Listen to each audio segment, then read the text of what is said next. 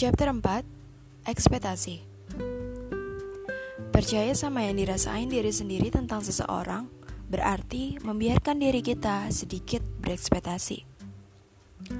Orang bijaksana bilang, jangan mempercayai seseorang sepenuhnya sampai ceritain semua muanya sampai ke sudut-sudutnya, pikiran dan hati terdalam kita, Bung. Dan gue setuju, sangat teramat setuju. Pengkhianatan tuh bakalan ada aja di tempat dan di lingkungan sebaik apa pun lu berada. Lu pikir lu bisa percaya dan lu aman. Tapi kita nggak pernah bisa tahu segelap apa dan seabstrak apa pikiran manusia. Dan faktor lain adalah bahwa manusia berubah. Lu bisa berteman sama dia hari ini. Di lain waktu, kalian bermusuhan kita nggak bisa terus aman dan ngandelin orang lain. Terbebas apakah dia niat atau dia yang goblok karena nggak sengaja. Ya faktor lain adalah ketidaksengajaan alias nggak pikir panjang. Hah? Masa iya nggak sengaja?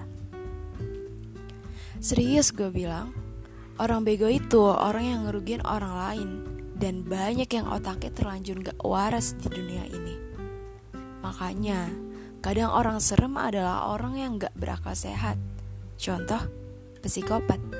Mereka cerdas. Sehat gak gue tanya? Gangguan jiwa. Ya, mari kita tertawakan dunia ini. Karena emang begitu faktanya. Ya udahlah, balik lagi ke bukan orang yang psikopat alias yang masih terbilang waras nih. Kita nggak bisa ngandelin apa yang mereka perbuat jadi mau gak mau, kontrolnya ada di kita. Mempercayai seseorang sepenuhnya berarti bego. Sorry to say.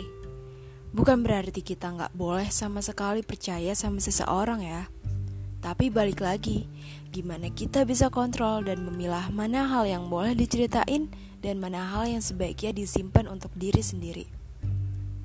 Hal ini berkaitan dengan jangan mengekspektasi seseorang terlalu tinggi, Bung lebih tepatnya, jangan mengekspektasi dan berharap hal yang seharusnya ada waktunya untuk terjawab. Tapi kita ngelangkahin proses itu dan akhirnya apa? Kecewa. Kita kecewa dengan dia yang sebenarnya. Terus, yang salah orang itu. Guys, kita harus lurusin hal ini. Nggak ada yang salah sama dia, yang salah adalah lu ketika lu terlanjur menggambarkan dia menjadi suatu hal yang lu nggak bener-bener tahu dia sebenarnya gimana. Emang kadang nggak bisa dihindarin kalau kita punya suatu ekspektasi. Tapi kalau kecewa, ya terima. Bukan nyalahin orang lain. Kita nggak bisa maksa dia untuk jadi yang kita inginkan. Ketika dia juga adalah manusia independen yang punya kuasa atas dirinya sendiri, cuy. Kalau nggak suka, ya udah, jauhin. Sesederhana itu. Tapi pertanyaannya adalah, apakah kita bisa terima? Nggak juga. Di sinilah saatnya kita berbesar hati. Nggak berlaku untuk teman aja, tapi berlaku juga pada seseorang yang kamu harapkan, yang kamu ekspektasi bahwa dia akan bersama kamu, alias lo suka sama dia.